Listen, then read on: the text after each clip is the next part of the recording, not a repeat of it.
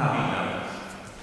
Eh, stormningen av Kapitolium förknippas delvis med nätverket eh, Qanon som sprider konspirationsteorier. Och som vanligt i de flesta konspirationsteorier så finns det ett hemligt nätverk som styr världen eller aspirerar på att göra det och som behöver avslöjas. Och ni kanske har läst i media, precis som jag, att dessa idéer faktiskt vinner mark även i Sverige. Var ligger attraktionskraften i konspirationsteorier? Världen är så komplex och svårgreppbar så att vi har svårt att förstå den. Vi förnimmer, och det tror jag de flesta gör, att det måste finnas en djupare hemlighet som om vi får syn på den så klarnar det varför världen ser ut som den gör. Det finns så att säga en konspiration som kastar nytt ljus över tillvaron. Och det är naturligtvis av mycket stor vikt att vi förstår vem, vad, vilka som har den verkliga makten i tillvaron.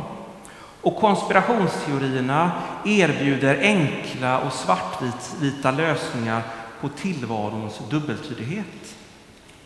Konspirationsteorier är ett symptom på att det finns ett existentiellt och religiöst vakuum som behöver fyllas.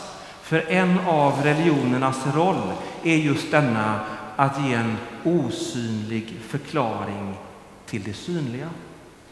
Konspirationsteorierna hävdar att de avslöjar, ja uppenbarar, den fördolda verkligheten som styr.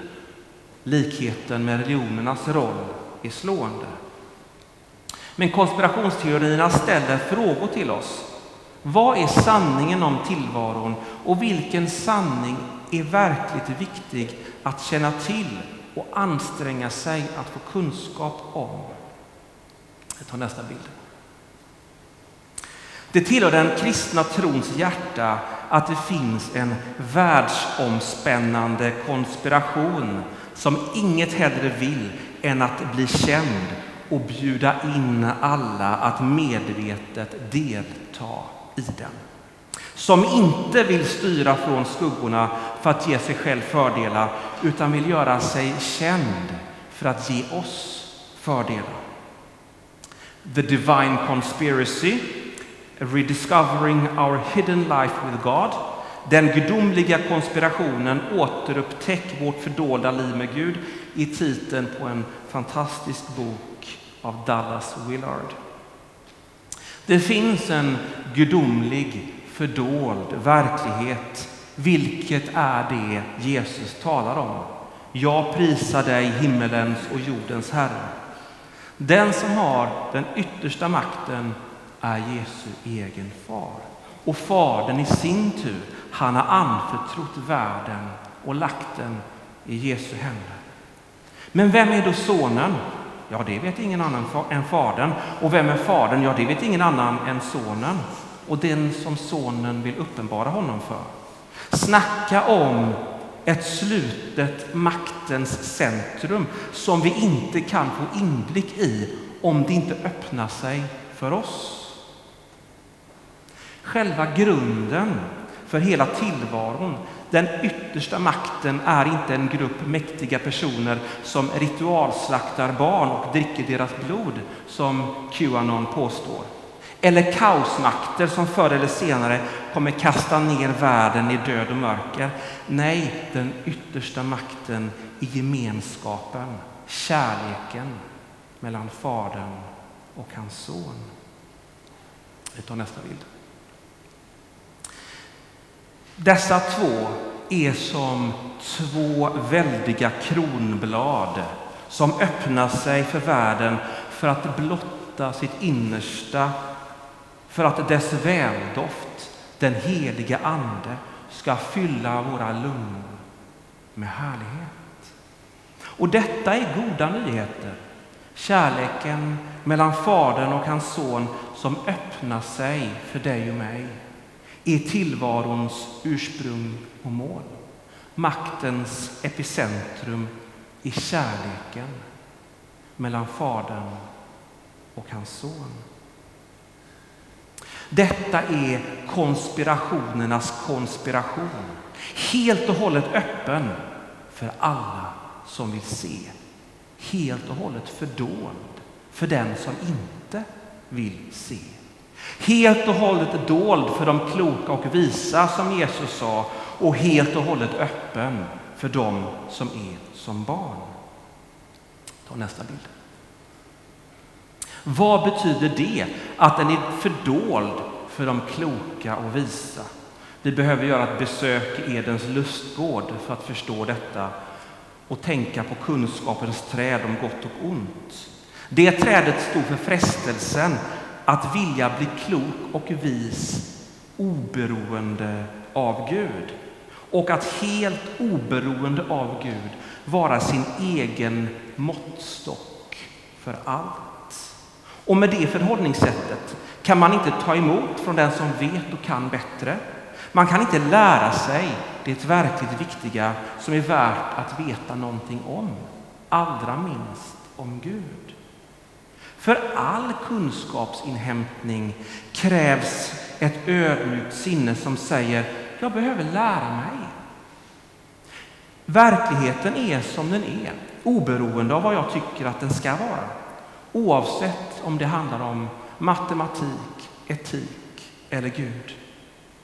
Om verkligheten är som jag vill att den ska vara vad gäller matematik, etik eller Gud och böjer den för att ge mig själv fördelar kommer jag bara se mig själv i spegelbilden i kunskapens källa och tycka att jag själv är mycket klok och vis eftersom kunskapen så att säga bara bekräftar mig själv och det som jag vill ska vara sant.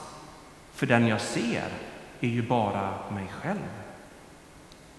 Det är inte så att Gud vill dölja sig för de självkloka. Det är bara så att det går inte att visa sig för den som har glasögon, solglasögon, där spegeln är vänd inåt.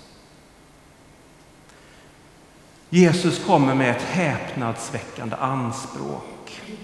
Han ensam, ingen annan vet vem Gud är helt och fullt. Och det är han ensam som uppenbarar Gud helt och fullt för oss.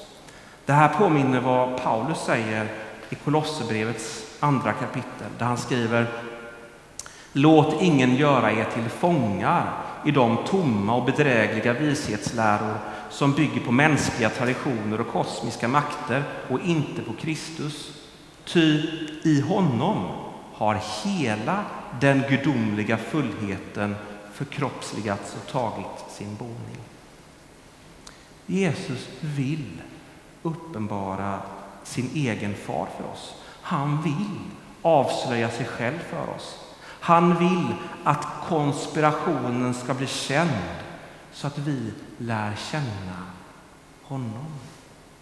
Vad är sanningen om tillvaron och vilken sanning är den viktigast att känna till om, att anstränga sig att få kunskap om? Vilken kunskap är den viktigaste för ett barn? Litet, värnlöst, skyddslöst med ett omåttligt behov av tröst och vägledning, kärlek och uppfostran. Jo, att känna sina föräldrar. Att jag kan lita på dem, att de älskar mig, att de finns där för mig. Det är för att vi ska lära känna Gud som vår himmelske far, som Jesus kom och som han sände anden från himlen. Att känna Fadern och Sonen innebär inte bara att ha kunskap om, utan en verklig erfarenhet av Guds person. Så att mitt liv levs i förhållande till vem han egentligen är. På samma sätt som vi gör i en långvarig parrelation. Jag känner, jag vet, jag kan lita på, jag vet när jag gör detta så blir han, hon glad eller arg. Detta är den viktigaste kunskapen vi kan ha. Att känna Gud som ett barn sin förälder. Som en vän känner en vän som sonen från evighet känner sin fader. Fadern och Sonen har öppnat sig för oss och gör det här och nu. Vill att vi ska lära känna honom, vill att vi träder in i den här kärlekens gemenskap.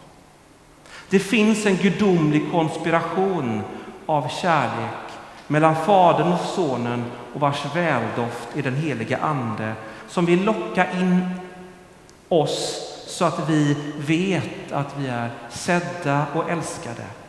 Detta är den konspiration som kastar ljus över våra liv så att vi blir begripliga för oss själva.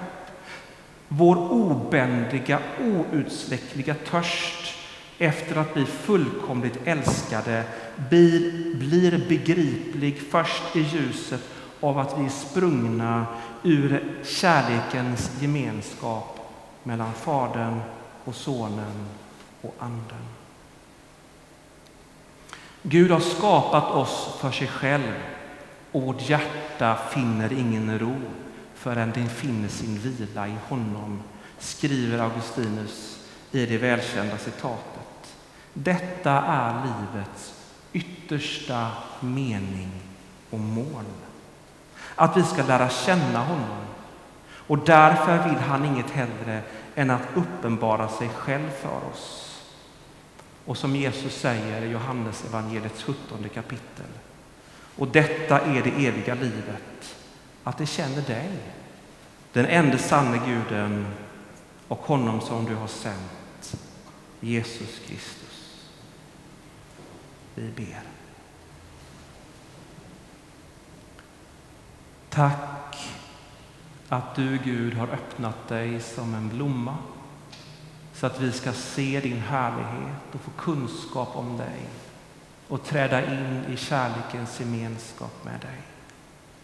Låt oss få göra det i denna gudstjänst. Amen.